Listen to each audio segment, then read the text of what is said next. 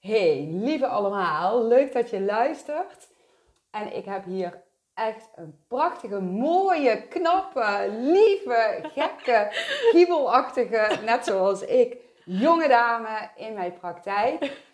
En ja, ik denk dat het wel handig is als jij je gewoon Ja. zelf voorstelt Ja. en vertelt wat je doet. Ja, we hebben totaal niks voorbereid. Nee, echt niks. Uh-uh. En dat, dat kan heel goed zijn dat het ook echt een hak op de tak podcast eh, gaat worden, want daar zijn wij alle twee. Maar ik zal even mijn mond dicht houden en ja.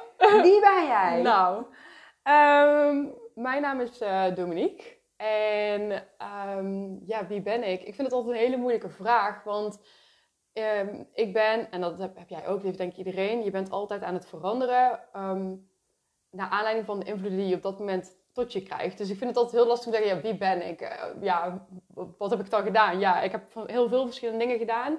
Ehm, ik ben wel iemand die nou ja, ik zal gewoon even zeggen, ik ben Dominique, ik ben dan 27 jaar net geworden. Eh, ik heb een eh, eigen bedrijf in osteopathie en orthomoleculaire geneeskunde. En ik heb een online platform gericht op bewustwording. Dus dat is wat ik doe. Maar wie ik ben, dat is gewoon iedere dag weer opnieuw de vraag. eh, omdat gewoon alles continu ontwikkelt. En iedere dag vind je weer iets nieuws interessant. En ik wil ook vooral in dit leven gewoon zoveel mogelijk ontdekken van wie mag ik nog worden. Eh, en wat mag ik nog gewoon ervaren? Dus de, weet je, eh, misschien een uitgebreide introductie van mezelf. Nou, valt toch wel mee. Ja, maar that's me. Ja, iemand die van avontuur houdt en steeds weer Ja. vernieuwing. En Ja. ja, super mooi. We hebben elkaar ja, leren kennen. Jij kwam bij mij Ja. en ja, er was meteen een klik Ja, zo. Dat ja. je daar dan zo soms met iemand kunt hebben van Ja. zoveel herkenning en zo'nzelfde ja, golflengte en ook hak op de tak, Ja. giebelig. Eh, heel erg eh, de dingen licht willen maken, Mhm. positieve energie erin zetten. Ja, en waar we ook heel erg hetzelfde te hebben, vind ik dat we heel veel willen, willen, willen, willen. En Mm. steeds maar weer de balans mogen pakken tussen al die leuke dingen Ja. ja, die we doen, toch? Ja, ja, dat is ook absoluut zo. En ik weet nog, de eerste keer dat ik er was, toen ehm, ging je dus dat eh, zielsbolletje maken. En toen weet ik nog dat je zei van, ja, oh god, ik weet niet hoeveel kleuren en welke kleuren en waar ik, het, waar ik moet beginnen. Het is zoveel. En toen dacht ik van, ja, deze vrouw begrijpt mij totaal in mijn ziel. Ja. Ehm, en dat is ook wel, eh, natuurlijk ook wel soms de struggle van, hey, eh, omdat je bijna het gevoel hebt dat je alles wil ervaren, ehm, dat het gewoon ook al door de samenleving een beetje soms lastig is van, ja, want de samenleving is veel meer, oké, je doet stap A, dan doe je stapje B en dan doe je stapje C tot, tot het einde en dan, ja, then, then you die. then you die. En ik geloof dat het ook al natuurlijk fijn is om, om daarin een soort van balans te creëren. Maar dat het ergens gewoon te leuk is om niet die uitstapjes te maken. Ja. Hier en daar. En dat vind ik ook gewoon heel erg leuk aan ehm, jouw energie. Vooral eigenlijk meteen toen ik hier kwam. Want ook wel een beetje mijn struggle was van... Hé, hey, ik voel me heel speels. Ik voel me heel erg dat ik de avontuur aan wil gaan. Dat ik eh, heel veel dingen wil ervaren. Dat ik niet vast wil zitten in een, in een stramien. Maar ehm, ben ik dan wel serieus te nemen? Of ben ik dan wel een professional? Of ben ik dan wel een, een expert? Of hè, weet je wel, ehm, mag ik dan ruimte innemen in deze 3D-wereld? En toen ik, toen ik jou zag en, en, en, en sprak en ik jou hoorde, toen dacht ik echt van wow. Juist jouw energie en ook nog eens in wat je doet, gaf voor mij van, ja, maar dit is het hele spectrum, weet je wel? Dit is Ja. gewoon iemand die zo goed is in haar job en zoveel doet voor deze wereld. Zo, die ik eigenlijk heel erg serieus neem. Maar die toch die hele speelse, creatieve, vrouwelijke energie om zich heen heeft. En dat vond ik gewoon, ja, ik weet niet. Ik heb geen schoenen aan, anders had ik weer naast mijn schoenen gelopen. Oh, ja, ik moest dat even zeggen hoor. Ik moest, want volgens mij, dat- volgens mij toen, ik, eh, toen ik hier voor de eerste keer wegging, had ik volgens mij ook een appje gestuurd. of zo. Ja, ik weet niet precies of ik een appje heb gestuurd, maar ik dacht echt van, wow. Ja. wow. Ja, ik was echt flabbergasted. Dus dat vond ik gewoon, Ja, Ja, wat ik zo mooi van was van, goh, hier zit iemand tegenover mij ja. die gewoon, ja, een stuk jonger is als Ja. ik. Want ja, jij bent nou zes- 27. Ja, 27. Ja, Ja. ik ben net 50 geworden. Ja. Ik zie gewoon, dank je, een jonge versie van mezelf. Ja. En zo'n zo'n spiegeling. En Ja. ja, toen ik eh 27 was, toen was ik lang nog niet zo ver eh, zoals jou. Dus Oh. kan je nagaan als jij 50 bent, waar jij dan staat. Dan wauw, ja. Zo mooi, ja, gewoon om te zien. Ja. ja. Ja, dat is, het is ook wel heel erg tof. En het is ook, ehm, ik denk ook wel dat, je, eh, dat ik bijvoorbeeld het, het voordeel heb dat ik heel veel mag leren van mensen die die weg al hebben bewandeld. Want ik geloof wel dat bijvoorbeeld in, in de, de vroegere generaties het een stuk moeilijker was. Ik denk dat jij veel meer op eigen houtje hebt moeten Ja, leren. 100%. Ja. Eh, en toen ik eenmaal in spiritualiteit startte of begon, was daar al heel veel over bekend. Ja. En natuurlijk in Nederland was het nog iets minder bekend toen ik begon. Maar eh, ja, het klinkt echt als een opleiding. toen, ik, toen ik van start ging met spiritualiteit. Nee, maar toen ik daarmee, eh, ja, toen ik dat, dat meer ging ontwikkelen. Eh, ik heb superveel blogs gelezen, boeken gelezen. eh, ik heb superveel e- of, eh, podcasts geluisterd. Ik heb zoveel geleerd dat het voor mij de weg daar naartoe veel makkelijker was. Nou ja, ja toen de tijd was dat er gewoon allemaal niet. Nee. Ja, er waren misschien wel boeken. Want Mhm. eh, Zij waren er wel wat. dat ik wel af en toe een best goed boek kon vinden. Ja. Maar er waren helemaal geen podcast. eh, Nee. ja, internet was allemaal nog niet zo ver. Nee. En ja, ik werd ook wel heel erg aangewezen op mezelf na die bijna doodervaring. Hoor. Ja. Want Want hoe, wat was toen jouw leeftijd? 30. Oh jeetje, dat Ja, ook toen was ik heftig. 30. En ehm, eh, ja, het, het- eigenlijk, voor mijn gevoel is het niet heftig. Want Nee. het is de mooiste ervaring Ja. die ik in mijn leven heb gehad. En ik gun hem iedereen. Ja, Ja, Ja. omdat je dan eh, ja, zo'n reset van jezelf krijgt. En ineens zie je, of ja, ja, zie je, voel je, hoor je, ik weet het niet hoe je het moet noemen. Maar wie je werkelijk bent. Ja. Ik gun dat echt iedereen. ja, Maar ja, ik had wel toen zoiets, want net na die bijna doodervaring had ik niemand in mijn omgeving die, als ik hier zo, zo zou over vertellen, dan Nee. zou begrijpen. Nee, nee. dan zou je zeggen, hier geef maar een pilletje, want eh, die is niet goed eh, in, in het hoofd. En hier heb je nog een eh, psychiater erbij. Oh. Ja, dus ik durfde daar gewoon ook niet, eh, niet te vertellen. Nee. En ehm, ja, uiteindelijk ben ik iemand tegengekomen die eenzelfde ervaring had na zes Ja. weken. Ja. En dat was ja, zo fijn, want Ja. op een gegeven moment begin je zelfs aan jezelf te twijfelen. hè. Van, ja, Ben je punthoofd zegt van, nou, niemand in deze wereld eh, heeft dat meegemaakt. En eh, alles wat jij nou voelt, dat klopt niet. Ja. Maar ja, om een lang verhaal daarin kort te maken. ehm, ja, ik, ik werd ook heel erg aangewezen om steeds weer bij mezelf te blijven. Want ik, ik ja, kreeg wel steeds meer mensen op mijn pad die bijvoorbeeld ook eh, ja, spiritueel bezig Mm. waren. En Mhm. readingen gaven en dat soort dingetjes. Maar elke keer als ik dan zoiets deed, dan werden er dingen verteld. Ook die klopten, maar ook die voor mijn gevoel gewoon ja, niet klopten of Nee. die ik niet herkende.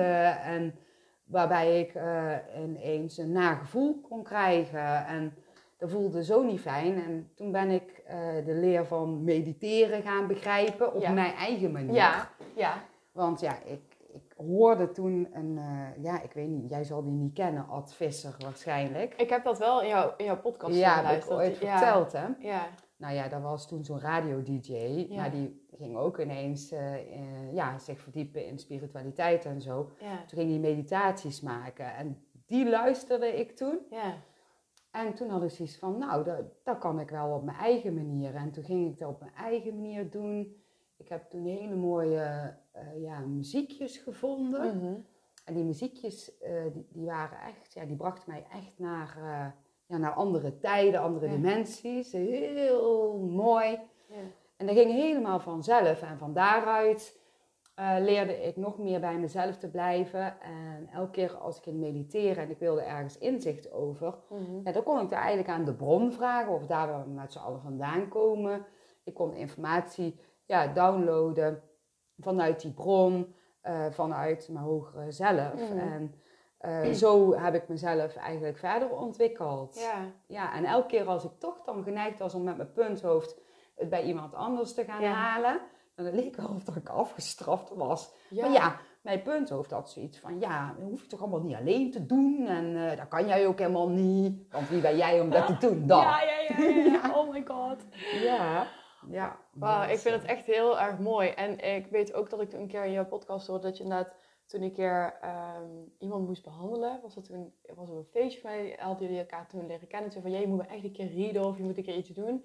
En dat je toen de weg kwijt was, toen je naar die man toe reed. Heb je ooit, of eigenlijk dat helemaal door elkaar? Oh ja, nou ja, ik weet het niet meer precies Oh, waar ja, het over ging hoor. maar dat het eigenlijk zeggen. daarna ook, nou, volgens mij ben je er toen geweest en het was zo naar. Dat Oh je, ja, ik weet het alweer. Ja, ja ik weet dat het je toen echt dacht van, oké, nee. Eh. En Oh, dat, dat was heel heftig. Dat was Ja. heel heftig. Ja, En toen daarna heb ik een meditatie gedaan ja. met die T-splitsing. Weet je ja, dan wat ik- ja, ja, ja. Nou ja, volgens mij is dat podcast twee of zo, of drie. Ja, ik ben gewoon helemaal begonnen bij het begin. Ja, want daar vertel ik dan eh, ja, over dat ik inderdaad even in het kort naar iemand eh, ja, toe ging. Maar het voelde al allemaal niet goed. En Ja. ja, daar ging op een gegeven moment ging, gingen daar dingen helemaal in mis.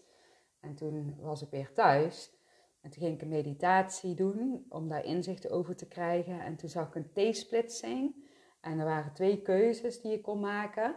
En toen zag ik autootjes die rechtse keuze, of links, dat weet ik niet meer, eh, in, ehm, ingaan. Ja, En toen hoorde ik van die voetjes op de trap, want ik was op de zolder, zeg maar, die meditatie aan het doen. En toen kwam Lieke, mijn Ja. bonusdochter, die was toen een jaar of vier of zo. En die schoof, schoof zo'n briefje onder de deur.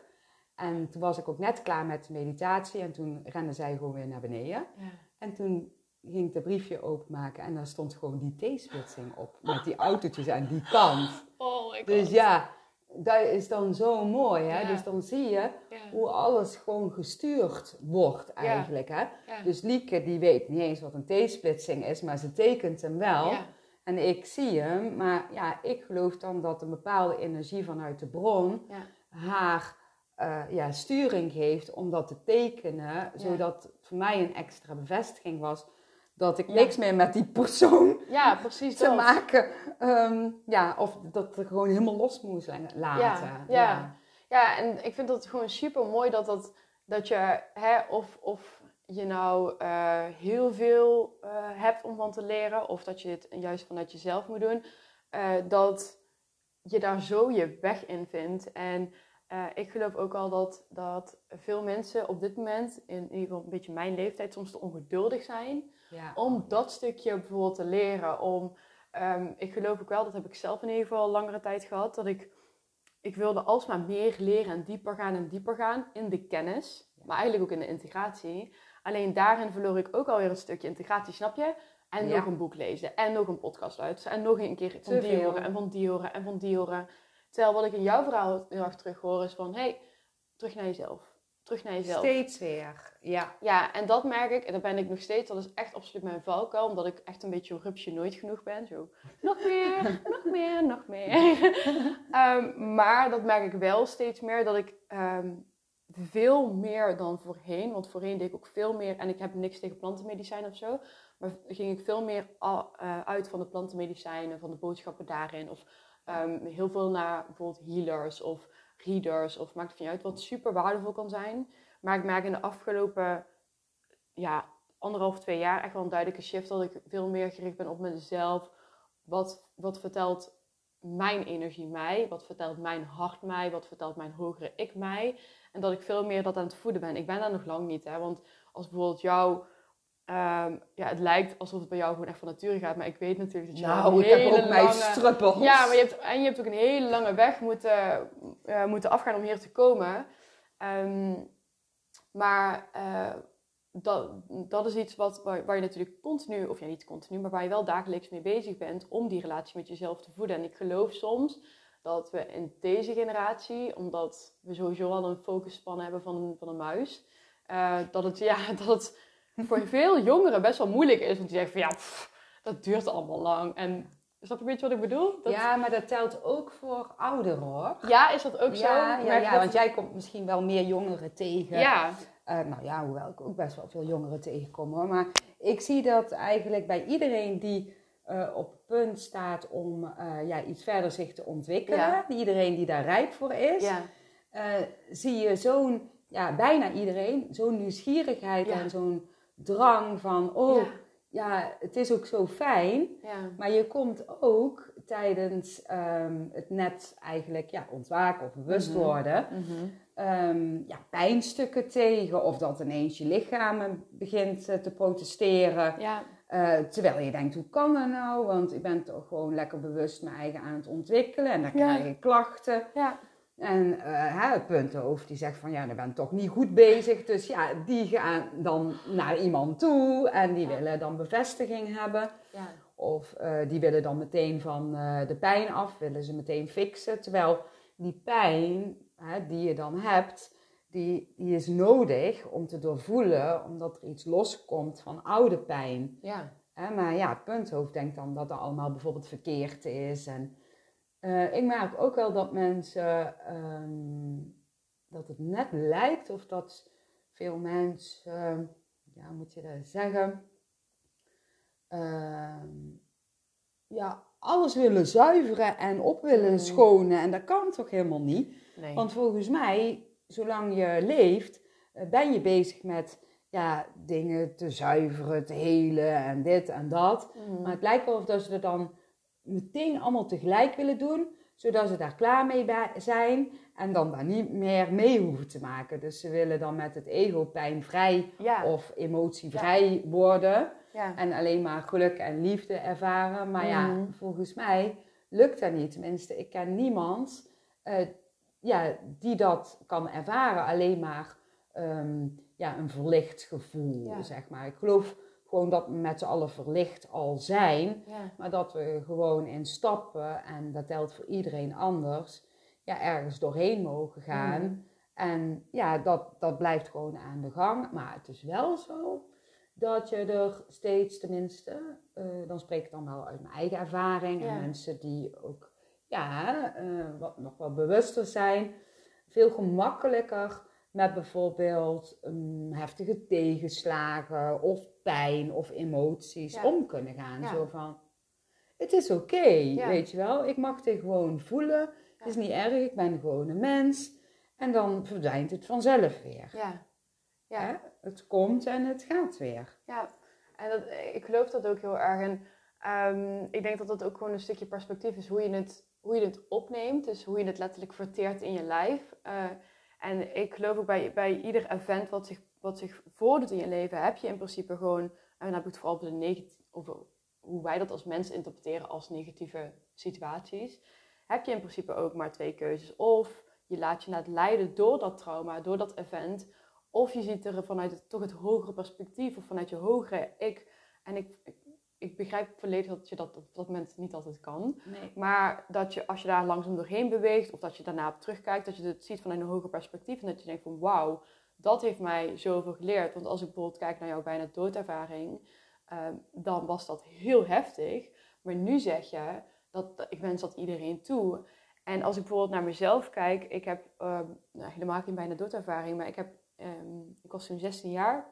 Toen heb ik een sportongeval gehad met een paard en eh, mijn been was verbrijzeld. En er was nog, er gebeurde van alle, alles, want er was ook een open beenbreuk en dat heelde allemaal niet. Dus dat duurde heel lang voordat dat heelde.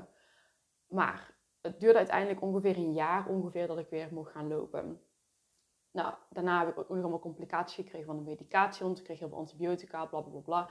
Nou, op dat moment was ik echt helemaal niet zo'n super erge, weet je wel, van oh ja, komt helemaal goed. Nee, ik zat super erg in mijn verdriet en ik voelde me super depressief. En ja, ik, op dat moment dacht ik van, why the fuck is this happening to me? Weet je wel, Mhm. je bent 16 jaar, je, weet je, dan zit je nog heel erg in je, vanuit, je kijkt zeg maar vanuit jezelf naar de wereld.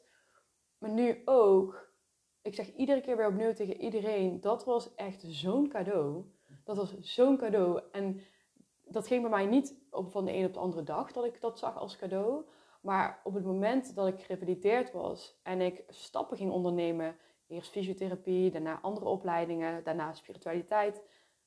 Toen dacht ik van wow, maar ik was hier nooit geweest. Nooit in mijn grootste dromen niet geweest waar ik nu was, als ik dat stuk niet had meegemaakt. En uh, heel even nog terug te komen op dat stukje wat jij vertelt over soms door pijn heen gaan. Dat merk ik bijvoorbeeld ook heel erg in de praktijk. Dat als mensen bij mij komen en ik ga ze behandelen omdat ik toch iets meer met het emotionele aspect werk. Dat mensen ook echt zeggen van wow, er is zoveel gebeurd. Maar ik merk dat ik echt aan het, dat, dat er echt iets uit moet, emotioneel, dat er iets uit moet. Of dat ze aangeven, ik heb heel veel moeten huilen. Of ik heb me, ik heb me juist slechter gevoeld na jouw behandeling. En dat ze daarna denken, maar ik heb het gevoel dat het ook echt aan het schoonmaken is. Ja, dan komt het omhoog. Ja, en ik geloof ook echt dat sommige, als wij zelf door bepaalde dingen niet aan te kijken of door dingen te negeren of gewoon door trauma's, hè, we kunnen niet overal iets aan doen, die energie vastzetten ergens in ons lijf. En je maakt dat vrij uh, vanuit osteopathie of je maakt dat energetisch vrij, of maakt even niet uit. Dan moet dat wel gaan stromen. Dus dan moet dat tot uiting gebracht worden. Ja, en dan voel je het. En dat voel je. Ja. En ik geloof ook dat we in het Westen daar soms niet zoveel over nadenken. Dat we heel graag willen van, ik heb pijn, dus los het maar op. Ja, meteen de toverstaf, zo van pling. En nu moet het opgelost worden. Ja. We gaan naar de dokter toe. En als die dan niks kan doen, dan is het een slechte dokter. Ja. Maar ik denk ook wel trouwens dat we naar uh, wel een tijd gaan waarbij uh, de dokters ook wel meer het energetische stukje gaan combineren. Hè? Zeker. Hoe zie jij daar zo als je dan daar een beetje jouw zienswijze op werkt? Ja, dat, ik weet dat 100% zeker. Want je ziet nu al dat bij heel veel huisartsen en artsen niet alleen sterke burn-out klachten naar voren komen. Dat ze het sowieso niet gedaan krijgen. Maar dat je ook heel veel artsen um, ziet dat zij in hun morale kompas het niet meer begrijpen. Ook niet meer begrijpen, zeg maar. En dat ze er ook niet meer achter staan. En ik heb nu al een aantal artsen gezien die letterlijk uit de geneeskunde zijn gestapt. Om naar bijvoorbeeld een, een meer leefstijlgeneeskunde uh, te gaan of zoiets dergelijks. En er is bijvoorbeeld ook een opleiding, uh, de psychoneuroimmunologie, of de klinische psychoneuroimmunologie. En dat is een opleiding voor mij is dat nu op dit moment niet. Ik zou dat wel heel graag nog een keer willen doen. Maar dan zit je toch iets meer in het uh, één op één contact. Wat niet per se mijn zielsmissie op dit moment lijkt te zijn. Um, maar de, deze mensen die leren eigenlijk de samenhang tussen alles. Dus ze leren de psyche, ze leren de immunologie, ze leren de neurofysiologie, ze leren uh, het stukje energetisch, het stukje seksualiteit. Dus zij zijn echt, vind ik super mooi. Want zij, waar iedereen op zijn specialisme zit, zeg maar, zorgen zij eigenlijk een beetje voor het spinnenweb. Ja. En die opleiding wordt nu ook wel echt steeds meer gezien als de artsen van morgen. Ja. En daar word ik heel erg blij van, want je ziet ook sowieso steeds meer uh, instituten, steeds meer uh, organisaties die echt daarop indokken. Um, dus ik heb daar gewoon superveel, ik heb er heel veel vertrouwen in. Ja, ik ook hoor. Maar dat gaat natuurlijk met, dat gaat met vallen en opstaan. Ja, ja. ja. En, en kleine stapjes eigenlijk. Hè? In, uh, wat betreft, ja, wij zouden het natuurlijk heel graag meteen nu willen, maar dat kan helemaal niet. Nee, nee, en ik merk ook wel dat ik het soms heel lastig vind, omdat in, bijvoorbeeld in mijn praktijk, als ik dan bijvoorbeeld bloedonderzoek aanvraag, um, en in Nederland zijn ze daar heel uh, moeilijk in. Geen idee waar dat precies door komt. Dat zal ook wel financiële redenen hebben. Maar ze willen gewoon niet dat er bloed geprikt wordt. Terwijl er al meerdere malen uit is gekomen dat als iemand dat, als ik bijvoorbeeld aangeef van hé, hey, ga bloed prikken, dat er iets uitkomt. Dus je merkt ook dat, ik weet ook niet of dat van aan de arts ligt, dat geloof ik eigenlijk niet. Maar dat de artsen, dat er nog een hele grote groep artsen zijn die met een bepaalde visie kijkt naar het, tussen haakjes zeg maar even, uh, het alternatieve stuk. Ja. Terwijl het, ik, ik begrijp, ik kan het gewoon niet begrijpen dat we leefstijl zien als alternatief. Ik kan daar, daar kan je me op geen enkele manier uitleggen. Je kan me niet uitleggen dat medicatie uh, een probleem inherent gaat oplossen. Nee, medicatie kan ondersteunen. Medicatie kan een tijdelijke oplossing zijn. Maar het is, het is de ja, oplossing.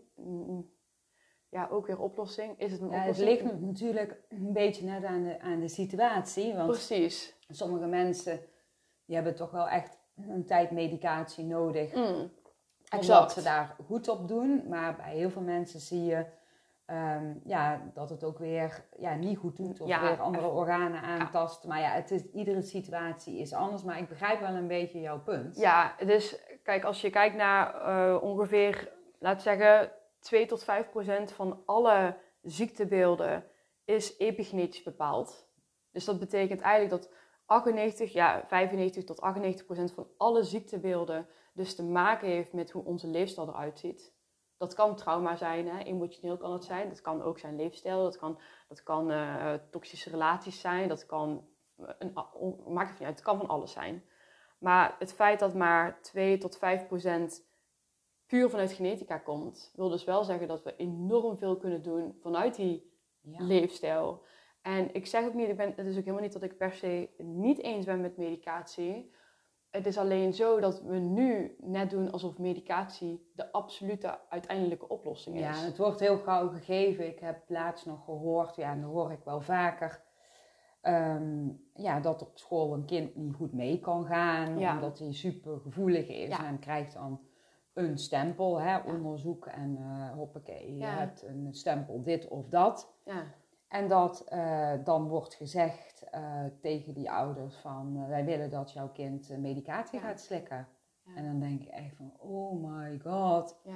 Want heel veel kinderen gaan daar juist heel slecht op. Hè? Ja, absoluut. Ja, en bij, bij sommigen zou het misschien best kunnen, kunnen werken of zo. Maar ik zie het ook niet als oplossing. Ik heb het gevoel, en vooral ook in het onderwijs, dat daar het een en ander mag gebeuren, zodat mhm. het kind ook beter begrepen wordt. Mhm. Want ja, net zoals de gezondheidszorg, uh, als je dan even kijkt naar het onderwijs, uh, daarin zal ook uh, voor mijn gevoel heel veel gaan veranderen. Ja, ja ik, ik um, vooral als je kijkt naar hoe gevoelig de kinderen van nu zijn. En ik weet, ik heb natuurlijk geen idee of dat ook of de kinderen van vroeger niet gevoelig waren. Ik was dat toen ja, niet. Dus ik, heb het gevoel van wel, maar daar was geen ruimte voor. Want je werd meteen in het gareel gezet. Ja, precies. Dat, dat, dat, idee heb ik. En ja. het lijkt er wel op alsof dat de kinderen van nu ehm, op een of andere manier... Ehm, ja, misschien omdat er dus toch meer ruimte is... Uh, ja, nog veel meer connecten met ja, het bewustzijn en de bronenergie. Ja. En, en heel goed uh, kunnen voelen en reageren ook, mhm. zonder dat ze er zelf bewust van zijn, wat bij hun past en wat niet bij hun past. En wat niet bij hun past, komt meteen verzet. Ja. Dus stel je voor, het onderwijs past niet bij dat kind en bij een ander kind wel, dan komt daar verzet. En wat wordt dan dan gezegd? Er is iets met het kind aan de hand. Maar het is niet iets met het kind aan de hand, het is iets met het onderwijs aan de hand. Ja, ja, ja, zeker. En geloof jij dan bijvoorbeeld dat daar want ik heb een, een, ja, een ja, ik weet niet of het echt gerealiseerd is, maar je ziet wel wat meer van die staatsvrije scholen, of in ieder geval scholen waarin ze een heel ander curriculum aanhouden dan normale scholen.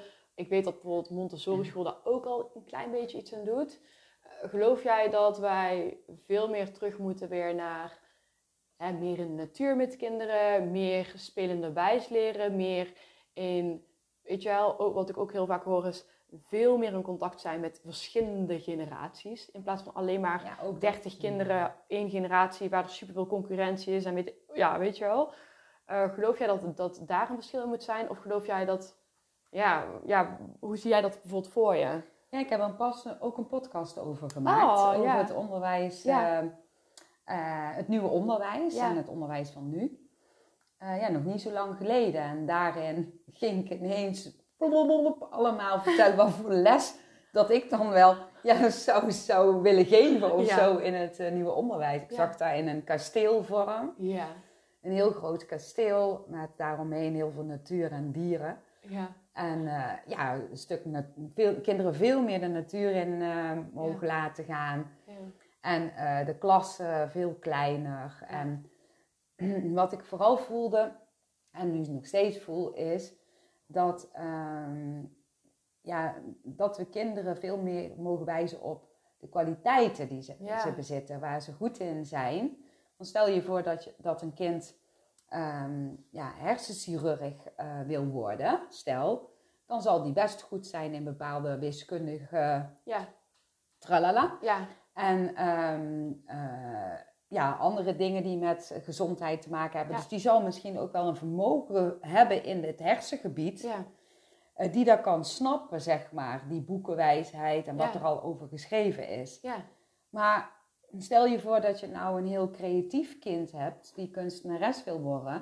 Die, die gaat daar verzet eh, op laten voelen. Ja, Die course. kan, die kan daar niet in mee. Nee. Hè? Dus, en als je een kind hebt zeg maar, die eh, iets wil doen met, met tolken, met taal, die zal super goed zijn in taal, maar misschien ontzettend slecht in wiskunde en Ja. rekenen. Ja. Maar daar zal jij toch een heel hoog cijfer voor moeten halen, want anders dan heb jij niet dat diploma op zak. Nee, nee, nee. En dat, dat, dat is ook inderdaad zo. Ik merk bijvoorbeeld bij, ehm, bij ons in, in, het gezin, eh, mijn broer, die, of een van mijn broers, hij is toen getest voor hoogbegaafdheid en echt een, een super intelligente jongen is dat.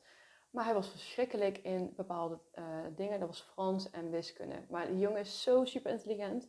Maar die heeft dus in plaats van, die moest echt van eh VMBO-T naar HAVO, naar het HBO, naar de universiteit uiteindelijk. Omdat hij niet via een andere weg kon. Voor mijn zu- zusje precies hetzelfde op andere vlakken. Moest eerst naar VMBO-K, toen naar T. eh, nee, kader. Toen is ze naar het MBO niveau 3, MBO niveau 4, HBO. Nu heeft ze de universiteit afgerond met hele goede cijfers. Dus het feit dat daar, eh, het zijn zo'n intelligente mensen. En ik geloof dat, eh, dat heel veel mensen in principe super intelligent zijn. Maar dat wij heel graag willen focussen op bepaalde, ja, eh, wederom bepaald protocol. Wat voor sommige mensen echt onmogelijk is. Dat is echt onmogelijk. Ja. En daardoor komen er dus weer heel veel jongeren en eh, ja, ook al jonge kinderen in de problemen. Ja, Ja, want ja, hè, om even terug te komen op dat, wat ik net zei, want de kinderen van, van nu, het lijkt erop dat die dus heel goed kunnen voelen waar ze als ziel naartoe willen. Ja. Alleen dat gebeurt dan onbewust. ja. En er komt echt verzet als ze iets moeten doen, Mm. waarbij ze eigenlijk later eigenlijk niks meer mee gaan doen. Nee. Dat is toch eigenlijk ook zonde van de tijd ja, als je het zo zeker. bekijkt. Ja. Dus ik zou dan zeg maar een school creëren waarbij we ja, gaan kijken wat zijn de kwaliteiten. Want dat kun je al heel duidelijk zien Ja. bij jonge kinderen, Ja. vind ik. ja, En vooral echte jonge kinderen die- nog niet zo bedolven zijn door nee. hoe de maatschappij Mhm. wil dat ze in het leven staan. Zie je gewoon heel duidelijk, dit is een ondernemend kind, dit is een creatief kind en Ja. noem maar op. En dan zou ik verschillende klasjes maken, maar ik zou ook met regelmaat die klassen weer door elkaar gooien ja, zodat ze ook weer van elkaar kunnen leren. ja, en wat dat. ik ook een hele mooie vind, want die had ik dus nog niet in de podcast benoemd, is ja, dat, dat, dat er verschillende generaties zijn eh, die bij elkaar kunnen komen. Ja. Ja. en zo kun je hele mooie eh, dingen ja, verzinnen en creëren wat eh, nieuw onderwijs eh, nodig heeft. hè. Absoluut. En ik geloof ook echt, bijvoorbeeld, het gesprek wat ik met jou, eh, met jou heb en had, dat had ik zo, en eh, kijk, het moet allemaal gebeuren zoals het moet gebeuren, maar daar had ik zoveel behoefte misschien aan gehad toen ik nog zelfs jonger was. Kijk, je ouders doen een super goede job en mijn moeder en mijn vader, en ik heb vooral een hele goede band met mijn moeder. Zij was echt geweldig. Echt een super goede, goede moeder. Echt een schatje is het. Alleen, ik geloof ook echt dat je van verschillende generaties ehm, zoveel meer kan leren op zoveel verschillende vlakken. Want bepaalde topics die ik bijvoorbeeld met jou bespreek, zou ik niet per se met mijn moeder kunnen bespreken. Ze zouden er natuurlijk naar luisteren, maar ik krijg een hele andere feedback als bijvoorbeeld bij jou. En dan is het bijvoorbeeld heel erg fijn om zo iemand als jij te spreken die al heel veel wat ervaringen ook heeft meegemaakt. En ja, soms ook een stukje bevestiging, wat jij dan ook absoluut in je werk dan wel vaker zal horen dat mensen dat willen ervaren. Maar dat het gewoon heel erg fijn is dat iemand dat die bevestiging kan geven. En dat het aan de andere kant voor de oudere generatie, dus misschien zelfs opa's en oma's, super verjongend en verfrissend kan Ja, zijn om meer in 100%. connectie te zijn met kinderen en jongeren. Ik geloof ook echt dat zij letterlijk voor jongen, er is, volgens- er is ook een keer een onderzoek over gedaan over dat proces, maar dat zij letterlijk voor jongen als zij meer met jonge mensen omgaan. En nu zie je ook misschien wel een te grote generatiekloof, omdat de opa's en de oma's doen met elkaar dingen en de jongeren doen met elkaar dingen, maar er is, geen, er is helemaal geen samenwerking. En dat was vroeger was dat veel meer. Ja, toen zo- werd er ook veel meer voor elkaar gezorgd. Ja. Ook, hè? ja, ja de, weet je, de samenleving is nu vet individualistisch. En ik geloof wel dat daarin ook echt een hele mooie ontwikkeling is. Waarin we veel meer in groepen weer samenkomen. Je hebt ademreizen, je hebt ceremonies en je hebt retreats en je hebt van alles. Het is eigenlijk bizar dat je nu eigenlijk 2000 euro voor een retret moet betalen om maar bij dat soort mensen, om maar een gevoel van connectie te voelen. Snap je Ja. wat ik bedoel? Dat is eigenlijk bizar.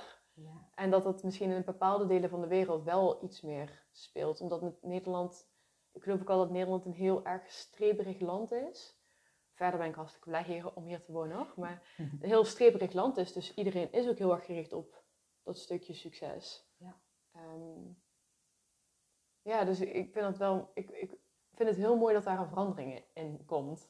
Ja, ik ook. Ik ben er heel, eh, heel blij om. En je ziet dat nu al, hè? En Heel veel, ja, dat gaat gewoon eh, in een bepaald tempo. En het tempo is voor mijn gevoel al lang bepaald. Dus Mm, ja. ja. we zien het wel. Maar wat ik ook heel mooi vind is... En mensen zoals jij bent. Je bent ja, 27, super jong. Mm. En je weet al zoveel. Hè? En je, je voelt ook gewoon ja, de, vanuit de diepste van je zielsverlangen dat je hierin iets wil betekenen. En ik Ja. weet zeker dat er meerdere mensen zijn die dat ook voelen, maar ehm, ja, toch nog ehm, misschien in een punthoofd zitten en de, de veiligheid opzoeken en niet uit die, eh, hoe noem je dat, comfortzone? Ja, ik zeg, spreek dat woord ja, verkeerd uit. Ja, Ja. ik snap wat je bedoelt. uit kunnen eh, komen. En hoe mooi is het, zeg maar, als, als jij dan, ja, bent eigenlijk zover dat jij eh, ja, echt mensen daarin kunt begeleiden en, en groepen. Ehm, ja, om, om daarin een soort van ja, onderwijs, maar dan veel meer dan dat, Ja, te geven. ja. Want ja, het is natuurlijk nodig dat eh, hè, de, de volwassen mens ook bewust wordt, zodat die ook weer les kunnen geven aan de kinderen. Mm. En dan zie ik het ook zo, dat als je het over leerkrachten dan hebt, de nieuwe leerkrachten, ja. dat, dat die dan ook gespecialiseerd zijn in, in dit en de een in, Mm. in dat. Dus Ja. één is juist heel erg van het creatieve, de andere juist van het technische, Mhm. de andere over seksualiteit, want daarin mag er ook veel meer les worden gegeven. Ja. Hè? Ja, Ehm, en dat je dus niet één juf hebt die met 30 kinderen zit en die helemaal geen tijd heeft voor die kinderen, omdat hij nog van alles moet doen, omdat ja, eh, hè, degene die de baas is over het onderwijs het zo wil. Mhm. ja. Ja, dat is echt bizar. over. Ja, bizar. En vooral ook bijvoorbeeld als we kijken naar een topic zoals seksualiteit, dan denk ik dat daar, ik denk dat er heel veel problemen, echt heel veel problemen voortkomen uit het gewoon, de, echt de slechtste seksuele voorlichting die er maar kan zijn. Ja, maar er wordt op scholen bijna niet over gesproken. Ja, over hoe je kinderen kunt maken en Nee, zo. het is, het is oprecht. Ik weet niet of het al beter is geworden, maar het is schandalig. Het is Ja. echt schandalig. Als ik kijk naar mijn seksuele voorlichtingen, ik weet er niet eens meer heel erg van. Het was heel erg eh, statisch. Ehm, het gaat heel erg inderdaad over zwangerschap. Het gaat ook heel erg over ongewenst zwangerschap. Het gaat heel erg over SOA's. Het gaat, totaal, het gaat eigenlijk over hè, een man ejaculeert en een vrouw wordt zwanger. Dat is eigenlijk seks. Of in ieder geval wat wij dus als jonge kinderen te leren krijgen. En ik geloof ook omdat daar, waar wij het ook wel eens over hebben gehad, omdat daar misschien onderliggend wel zoveel trauma op zit, dat wij als samenleving maar besloten hebben, dan gaan we het maar eenmaal niet, niet over hebben. Want ook als we kijken naar de kerk, eigenlijk ben je al een heel slecht persoon als jij bijvoorbeeld giet van seks. Of als jij eh, je wildheid kan laten zien in seks. Of als je bepaalde fantasieën hebt. Of als je open bent voor seks. En ook dat begint nu gelukkig iets meer los te wrikken.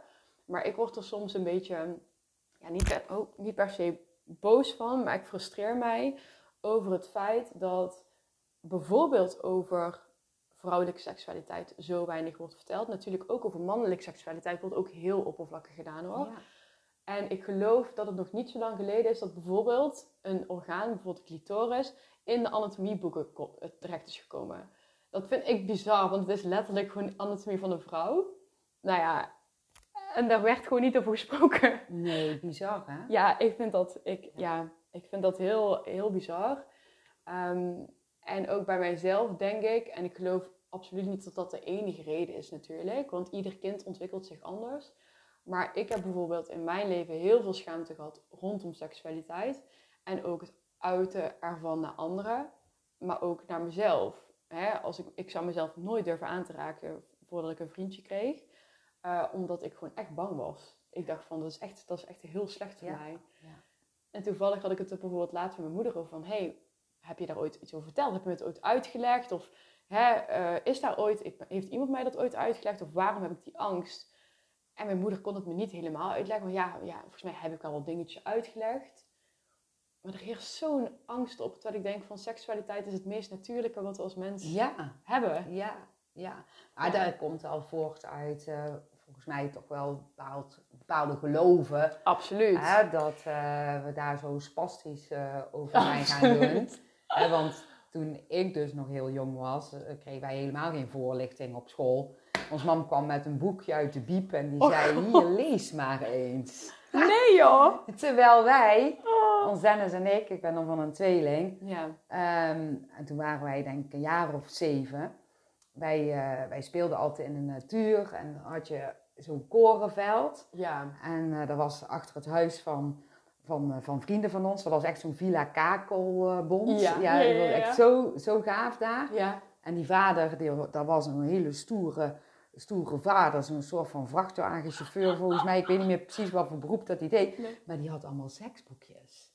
En wij hadden al die seksboekjes. En wij gingen dan met een groepje kinderen. Oh. Gingen wij in de graan, gingen wij eh, zo'n cirkel maken. En dan gingen wij seksboekjes lezen. Oh en dat vonden wij gewoon helemaal spannend. Wow, maar dat vind ik wel heel vet dat je dat gewoon hebt gedaan. Ja, maar wij wisten niet wat het, wat het precies was. Maar Nee. we werden er wel op onze manier Ja. ja, opgewonden van. Ja, dat klinkt ja, misschien ja, een beetje ja. gek, Nee, maar ik snap wat je bedoelt. En dat vonden wij gewoon heel erg leuk. Ja. Hè, Maar ja, nu heb je... ehm, dus dat was eigenlijk ook wel een beetje, wel echt, ja, niet een beetje, wel porno gericht. Ja. Maar nu is het natuurlijk nog veel, veel meer porno gericht. Mm. Want Mhm. als ik dan kijk naar mijn kinderen, ja, eh, ik heb daar altijd gewoon uitgelegd. Ik weet Ja. nog dat ik, ehm, dat ze tussen de middag thuis kwamen en toen waren ze een jaar of eh, zeven, acht ook. Ja. En toen begonnen ze vragen te stellen. Mhm. En eh, toen leg, zat ik daar gewoon zo uit te leggen. Ja. Zo van, nou, hè, hoe dat dan allemaal gaat. Ja. En wat fijn is en niet fijn is. En ja, je hebt ook een condoom die je dan erom kunt doen. Ja. En dan pakte ik een komkommer uit de koelkast. En ik pakte een eh, condoom. Ja. En hoppakee, die deed ik over die komkommer. En dat was lachen en dat was lol. En we hadden zoveel plezier. Ja. En toen dacht ik nog met mijn punt ook van... Oeh, als ze dat maar niet thuis gaan vertellen. Want hoe heb ik het Mm. dadelijk gedaan, weet je Mhm. wel. Ja. Dat was helemaal niet zo. Nee. Want eh, gelukkig waren die ouders ook gewoon open. Ja. Maar ik denk dat dat ook een reden is... eh, wat betreft school. Mhm. Dat ze heel voorzichtig zijn. Anders krijgen ze ook weer gezeik met de ouders. Ja, en dat, maar dan nog steeds, hè, als, als een, en daarbij gaat het bij mij soms gewoon, krijg ik een error in mijn hoofd. Als eh, iemand jou een overtuiging oplegt vanuit patriarchie, of maakt het niet uit, bepaalde geloven of Allah. En dat wordt geïnt- geïntegreerd in de samenleving totdat het normaal gevonden wordt. Oké, oké, dat snap ik. Want we worden eigenlijk allemaal geconditioneerd om bepaalde dingen te denken en te voelen en Allah. En we zien nu toch dat het voor veel mensen anders is. Dat het voor veel mensen ook niet werkt. Als volgens mij meer dan de helft van de mensen gaat vreemd in de relatie, vind ik ook niet te bevatten bij mijn hoofd. Dan vind ik het gewoon vreemd dat wij als samenleving toch liever vasthouden aan het feit van oké, ehm, we moeten met z'n allen monogaam zijn. Er moet niet te veel gesproken, over worden gesproken. Eh, kijk maar gewoon naar porno, wat, wat ook een volledig raar beeld schetst. Ehm, en hou het maar een beetje taboeachtig. En dan gaan we ook nog wel, hè, eh, de, blijkbaar de, meer dan de helft gaat dan ook nog eens vreemd. Maar ja, als je er niet over praat, dan is het dus blijkbaar niet gebeurd of zo. Terwijl ik dan denk van, oké, maar mensen, waarom hebben wij zoveel moeite met de confrontatie aangaan? Oké, het feit dat we dus als samenleving daarmee struggelen, het feit dat daar meer openheid in mag, het feit dat we daar gewoon discussies over mo- moeten en mogen voeren. En dat we er dan ook doorheen gaan, zodat we daarna kunnen zeggen van oké, maar dit is wat me is aangeleerd. Deze gesprekken heb ik. En daaruit baseer dat ik, op nu, dat ik nu op dit moment dit ervaar en dit voel en deze afspraak wil maken. Maar nu word je, ergens merk ik als ik bijvoorbeeld in gesprek ben met mensen over bijvoorbeeld monogamie, eh, dat veel mensen het super interessant vinden. Van, hé, hey, hoe denk je daar dan over? En ja, ik weet ook niet of ik daar wel in geloof en bla bla bla. Maar dat ze toch nog heel erg vasthouden aan bepaalde waarden Ja. die misschien helemaal niet van hun zijn. Ja. En ik zeg niet meteen van, hé, hey, eh, ga meteen voor een polyga polygameuze relatie. Absoluut niet, helemaal niet.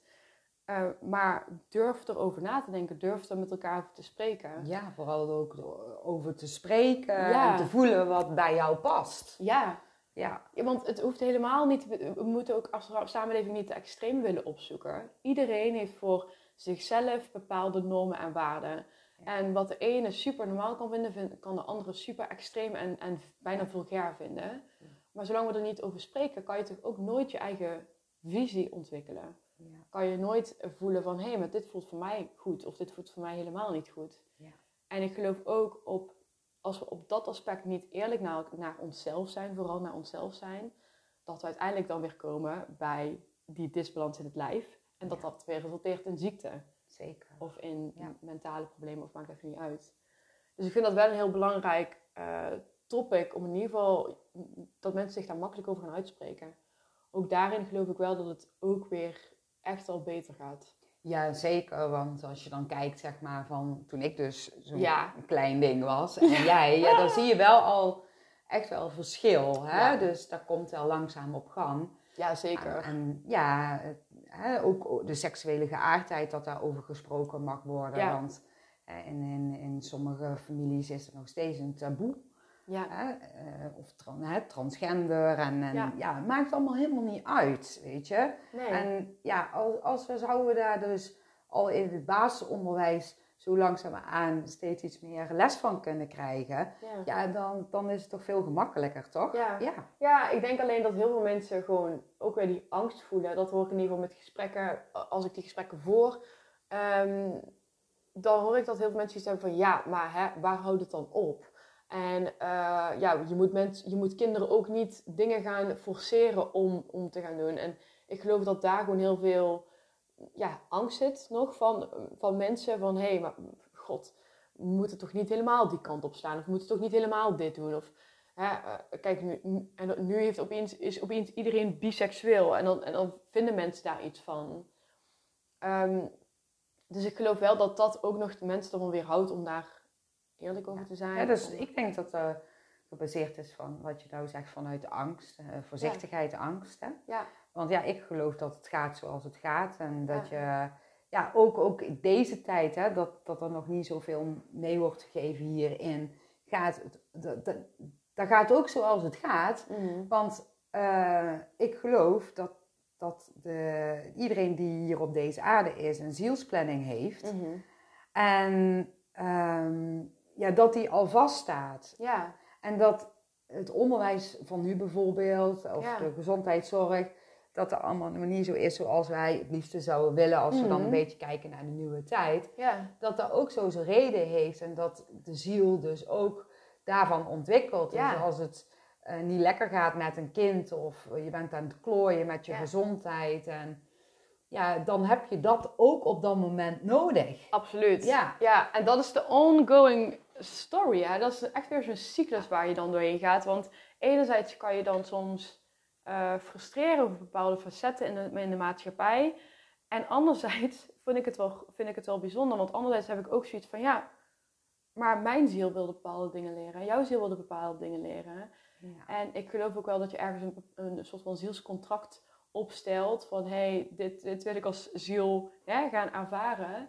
En dat het dus inderdaad zo moet zijn zoals het moet zijn. Ehm, dus dat is, ik vind dat altijd een heel mooi iets om, ook om over na te denken. En, en wil ik er nog iets aan toevoegen, vond ik heel grappig. Of nee, niet grappig, vond ik heel bijzonder om te horen. Eh, dat was bij een podcast. Dit dit is trouwens echt al, ik denk al twee jaar geleden dat ik dit heb ge- gehoord. Maar het is me altijd bijgebleven. En die vrouw, die had echt een jeugd... Ja, dat was echt bizar wat voor jeugd ze had gehad. Volgens mij waren allebei haar ouders waren drugs- of alcoholverslaafd. En er was nou, heel veel gezeur, ook mentale problematiek in het gezin. Heel veel, moeilijk moe- heel veel moe- moeite of trauma's gehad, zeg maar, in haar leven. Ehm, en later, toen ging ze dus, want haar moeder had volgens mij op dat moment dementie of een andere aandoening. En toen gaf ze aan, ja, ik ga er nog steeds naartoe. En als zij, eh, want dan heeft ze een bepaald, heeft ze de ruimte, heeft ze overal alles dichtgemaakt, met gordijnen, alle ramen dichtgemaakt. En dan wil ze maar één aflevering zien, zeg maar. En dan ze van, ja, ik heb het gewoon geaccepteerd en ik ga gewoon lekker met haar een uurtje dat kijken. En toen vroeg die, die, man, ja, die man of vrouw, ik weet even niet eens meer wat het was, vroeg aan haar van, hé, hey, maar vind je, dat niet, vind je dat niet lastig? Want als je, ook, als je kijkt naar hoe jouw ouders voor jou hebben gezorgd, ja, heb je dan geen wrok daar naartoe? En toen gaf ze ook aan van, nou, ik denk er zo over. Zij is eigenlijk een engel. Want je zou maar kiezen voor een leven om te reïncarneren waarin je jezelf zo slecht voelt, waarin je jezelf zo'n uh, negatief leven doorgaat, zeg maar. En het ook nog moet projecteren op andere zielen, zodat zij er weer voor kunnen leren. Eigenlijk is dat wel gewoon een engel. Ja, ja. En toen dacht ik van, wow. Mooi, hè? Dat is ook een manier om ernaar te kijken. Ja, ja, ja. En dat vond ik, dat had zoveel impact op mij, op mij, waardoor ik zelf ook op een hele andere manier kon, kon kijken. En natuurlijk is dat niet altijd even makkelijk, maar kon kijken naar bepaalde mensen ook al. Uh, dus ik, ja, ik vond het gewoon ja, ik vond het heel mooi om te horen. Mooi, ja, ja heel mooi. Heel mooi om te horen. hey, um, ja, wij kunnen nog, uh, nog heel lang doorpraten, maar ik denk dat we hem af gaan ronden. Ja. En dat wij gewoon nog een andere keer gewoon ja, afspreken om, ja. om nog een podcast te doen. Vind je, ja, vind ja, je dat leuk? echt superleuk. Ja, want ik, ja. ja, wij, wij kunnen echt gewoon dag en nacht volgens mij een jaar achter elkaar doorpraten. Dat is echt niet normaal. Ja, ik vind dat heel leuk. Um, maar ik, ik vind het gewoon leuk uh, als je een keertje weer komt of ik kom naar jou of maakt niet uit. Ja, heel leuk. En um, ja, dan, dan gaan we gewoon uh, weer zien waar het over gaat. Ik, ik moet zeggen dat ik hem helemaal niet zo van de hak op de tak vond gaan. Nee, ik vond het eigenlijk voor, dat we het niet hadden voorbereid. Heel vloeiend vond ik. Maar ja, misschien uh, jij die nu luistert uh, heeft zoiets van... Nou, uh, wij ervaren dat anders. Kan. Ja. ja. Hey, maar wil je nog, Dominique, iets aan ja, degene die luistert meegeven? Um, wil ik iets aan, de, aan degene die luistert meegeven? Ik denk dat het allerbelangrijkste is, en dat is ook wel een beetje wat wij, waar wij over hebben gesproken, is dat je ten alle tijden heel erg, heel, heel erg bij jezelf moet blijven. En ik merk steeds weer dat dat, dat voor mij ook weer een nieuwe laag tot zich brengt. Want je bent zo snel geneigd om het toch over te nemen van iemand anders, om toch iets meer te luisteren naar die anderen. Maar het is juist jouw jij bent hier op aarde gekomen met jouw unieke gift, met jouw unieke hè, missie, eh, purpose, ja. kwaliteit. Maak even gewoon helemaal jouw authenticiteit. En des te meer, tuurlijk, je mag dingen van mensen leren en je mag, je, je mag jezelf vol laten stromen met allerlei kennis. Maar blijf bij jezelf en voel iedere keer weer vanuit jouw hart, vanuit jouw ziel van hé, hey, oké, met alles wat ik tot op heden heb geleerd, met alles wat ik ook nu voel, welke richting mag ik opgaan? Ook al voelt dat voor andere mensen totaal fucked up, eigenlijk. En zeggen die daar van alles en van? En zeggen die daar van alles van.